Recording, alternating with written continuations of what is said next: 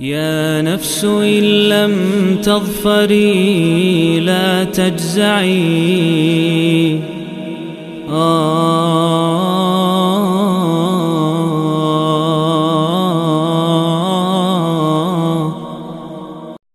Bismillah, Alhamdulillah, wassalatu wassalamu ala rasulillahi amma ba'd Kali ini, di pertemuan ke-45 dari silsilah 114 episode mengkaji surat demi surat dari Al-Quranul Karim Kita sudah di surat Al-Jathiyah Al-Jathiyah, surat ke-45 ini Artinya Al-Jathiyah adalah uh, berlutut ya kaum-kaum umat-umat yang berlutut.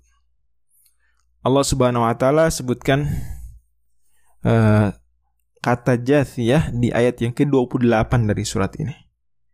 Di mana bahwa umat-umat yang ingkar di dunia, sombong, congkak, mendustakan ajaran para nabi dan rasul, di akhirat kelak mereka akan ya tunduk dan berlutut, hina, menghinakan diri, di hadapan Allah Subhanahu wa taala. Di uh, surat ini yang merupakan surat Makkiyah dan turun setelah Ad-Dukhan dan sebelum Al-Ahqaf, persis urutan turunnya dengan urutan di mushafnya. Surat ini terdiri dari 37 ayat dan tema besarnya adalah larangan sombong, larangan takabur. Memang kita bisa hubungkan juga dengan nama suratnya, Al-Jathiyatnya berlutut, simbol kehinaan. Artinya orang-orang yang takabur sombong akan Allah hinakan. Pun pada akhirnya mereka lah kehinaan dan kesombongan yang berhak sombong hanyalah Allah Subhanahu wa taala. Makanya Allah Subhanahu wa taala menutup ya surat ini dengan berfirman walahul kibriya'u fis samawati wal ardi wa huwal azizul hakim. Dan hanya milik Allah sajalah kesombongan di langit dan di bumi. Dialah al-mutakabbir. Ya, mengingatkan kita ke hadis qudsi dalam sahihain di mana Rasul bersabda Allah berfirman Al-kibriya ridai wal 'azamatu izari faman naza'anni wahidan minhuma azabtuh. Kan begitu. Nah, kemudian Allah Subhanahu wa taala di surat ini, surah Al-Jathiyah makanya tunjukkan kepada kita contoh orang-orang yang congkak, sombong dari kebenaran, mendahulukan hawa nafsunya daripada mengikuti ajaran Allah dan para rasul. Lintas generasi Allah Subhanahu wa taala hikayatkan kepada kita agar kita mengambil pelajaran tidak takabur seperti mereka. Sebaliknya justru malah tunduk patuh dalam dalam kebenaran.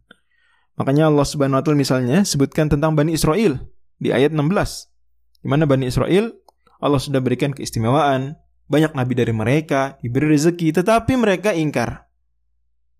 Ya, banyak dari mereka ingkar. Ini contoh. Allah Subhanahu wa taala juga sebutkan sebelumnya orang-orang Quraisy di mana mereka congkak terhadap kebenaran. Kata Allah, "Fabi ayyi haditsin ba'dallahi wa ayati yu'minun?" Mau beriman kapan lagi setelah sudah jelas ayat-ayat Allah dan ajaran Rasul? Allah ceritakan juga bahwa mereka ini yasma'u ayatillah itu telah alaihi thumma yusiru mustakbiran ka'allam yasma'ha. Mereka mendengar ayat-ayat Allah dibacakan kepada mereka, tapi mereka malah terus-menerus menyombongkan diri seolah-olah mereka belum pernah mendengar ayat-ayat tersebut.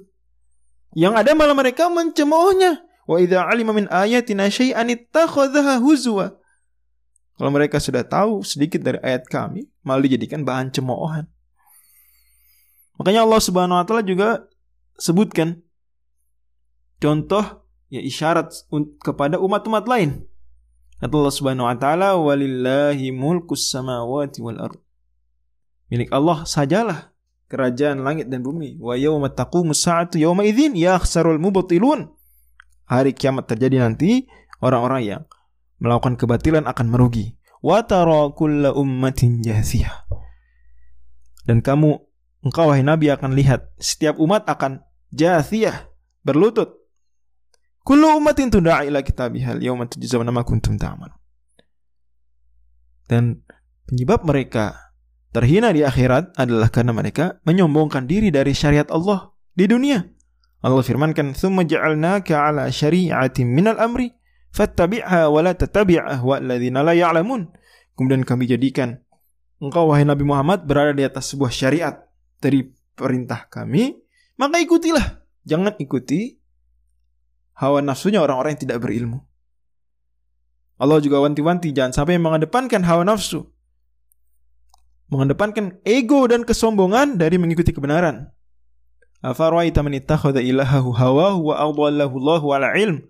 Tidakkah engkau melihat wahai Nabi orang-orang yang menjadikan hawa nafsu mereka sebagai sesembahan dan Allah sesatkan mereka padahal mereka berilmu? Ya akibat congkak justru. Maka Allah katakan, wa khatama ala sam'ihi wa qalbihi. Allah tutup hati dan pendengaran mereka. Wa ja'ala ala basarihi ghishawa. Allah tutup juga pandangan mereka. Faman yahdihi min ba'dillah. Siapa yang bisa memberi hidayah selain daripada Allah Subhanahu wa taala?